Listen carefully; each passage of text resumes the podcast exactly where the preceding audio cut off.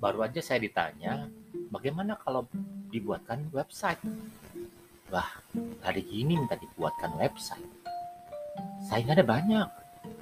Dan kalau kita udah bikin website bagus-bagus, kita kumpulkan ada tampilannya, fotonya, videonya, desainnya, warnanya, belum tentu laku.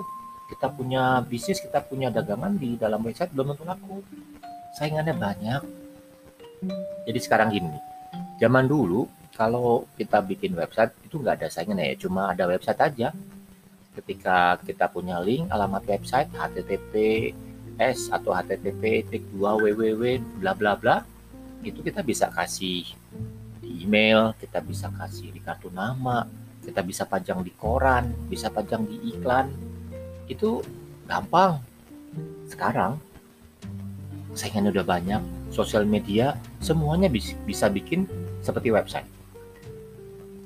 Ada aplikasi juga yang tinggal pencet udah keluar informasinya. Tinggal pencet udah langsung belanja. Tinggal pencet langsung bayar, atau barang udah nyampe depan rumah. Yang namanya marketplace seperti Tokopedia, seperti Blibli, Shopee dan lain-lain itu website juga. Nah, itu udah menggantikan apa yang dulu orang pikir bisa dibuat dalam sebuah website. Nah, website ini untuk bisa bikin website yang jempolan, jualan yang laku, itu persiapannya sekarang jadi panjang. Pertama, kalau websitenya itu sudah dibuat, pasti mencerminkan nama perusahaan. Nah, kalau nama perusahaan sudah muncul, tentunya dia harus tampilkan juga barang dagangan, produk dan jasa. Apa aja yang ditampilkan. Kemudian tampilkan juga pengalaman customernya, reputasinya. Mungkin kalau ada juara-juara, ada award-award, ada hadiah, piala segala macam, tampilkan juga di dalam website. Panjang banget jadinya. Ya, jadi itu bakal usahanya tidak sebentar. Kemudian ketika software uh, websitenya itu muncul, sekarang ini kita kenal ada yang namanya Google.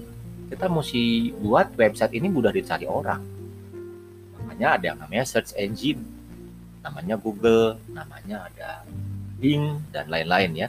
Itu semua platform merujuk ke search engine ini.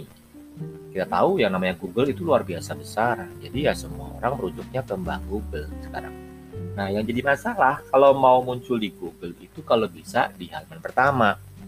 Jadi kalau kita mau cari nih namanya kacang mete misalnya. Nah kebetulan Anda jual kacang mete. Bagaimana? Nama toko Anda muncul paling atas dari sekian ratus penjual kacang mete yang ada di Madura misalnya. Dari sekian ratus penjual kacang mete yang ada di Malang misalnya. Saingannya banyak. Nah, makanya ada usaha untuk membuat yang namanya Search Engine Optimization, SEO namanya.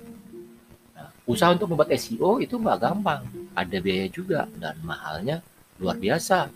Kalau Anda pergi ke konsultan digital marketing, minta, Mas, tolong buatkan dong SEO buat website saya. Wah, itu panjang, mahal. Udah gitu, minta kontrak berbulan-bulan.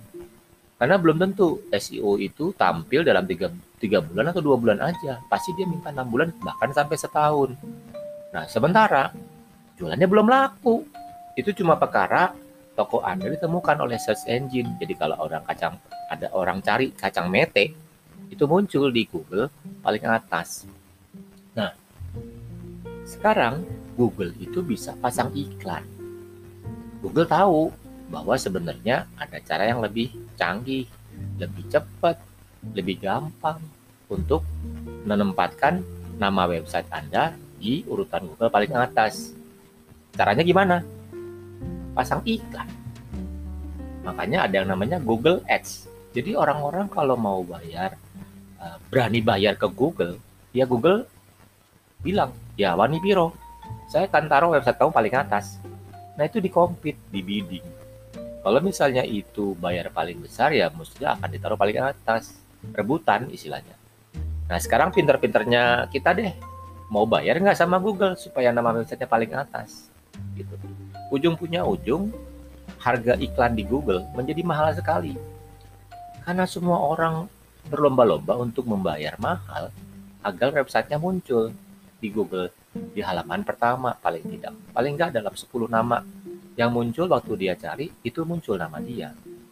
Jadi iklannya mahal sekali. Bicara mahal nih, kalau ada yang orang klik sekali aja, itu biayanya udah 30 ribu. 30 rupiah, 30 ribu rupiah. Kalau misalnya ada orang yang menemukan website Anda di halaman pertama Google dan diklik. Nah, kliknya segitu. Bayangkan kalau Anda mau pasang iklan untuk kota Jakarta kota Jakarta itu populasinya ya 15 juta deh. Bayangkan 15 juta kali 30 ribu. Lumayan kan? Itu barang belum laku, baru ngeklik doang. Belum beli, belum nanya-nanya harga. Jadi masih jauh. Nah, gak mau dong. Jadi ketika itu orang cari jalan lain.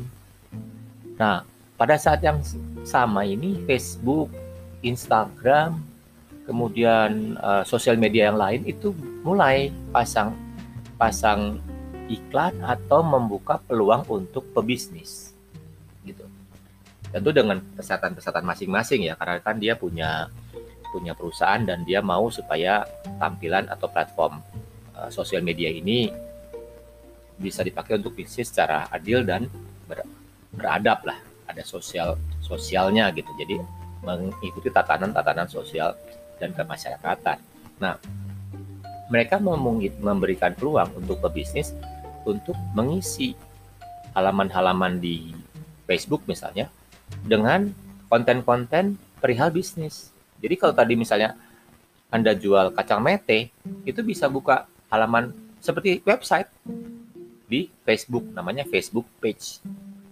Nah kemudian Facebook page itu, itu sekarang udah dilengkapi dengan kontak nomor telepon, kontak nomor WhatsApp, bisa langsung klik untuk bayar, bisa ada promosi, pakai diskon dengan jangka waktu tertentu, kemudian ada kupon. Jadi itu udah kayak udah kayak seperti marketplace pikir-pikir. Tapi Facebook sosial media. Nah, yang lebih konyol lagi, Facebook itu penggunanya buat Indonesia itu sekarang udah di atas 160 juta. Nah, banyak sekali. Akibatnya kalau itu ditaruh aja kita pasang katakanlah iklan deh iklan iklan di Facebook itu kalau menarik ya kalau menarik itu banyak yang datang karena memang di tempatnya Facebook udah ramai orang ya.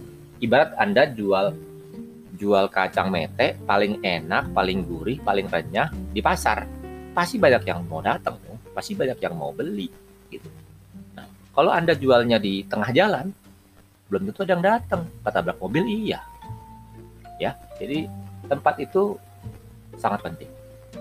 Nah, akibatnya membuat website menjadi nggak penting.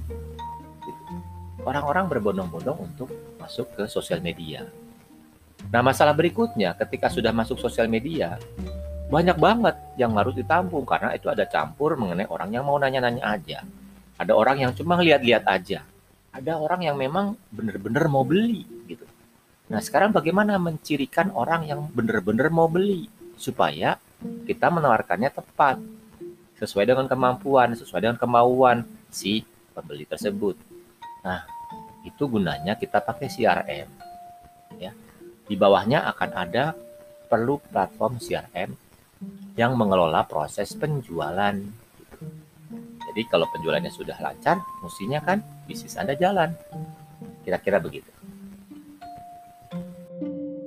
thank you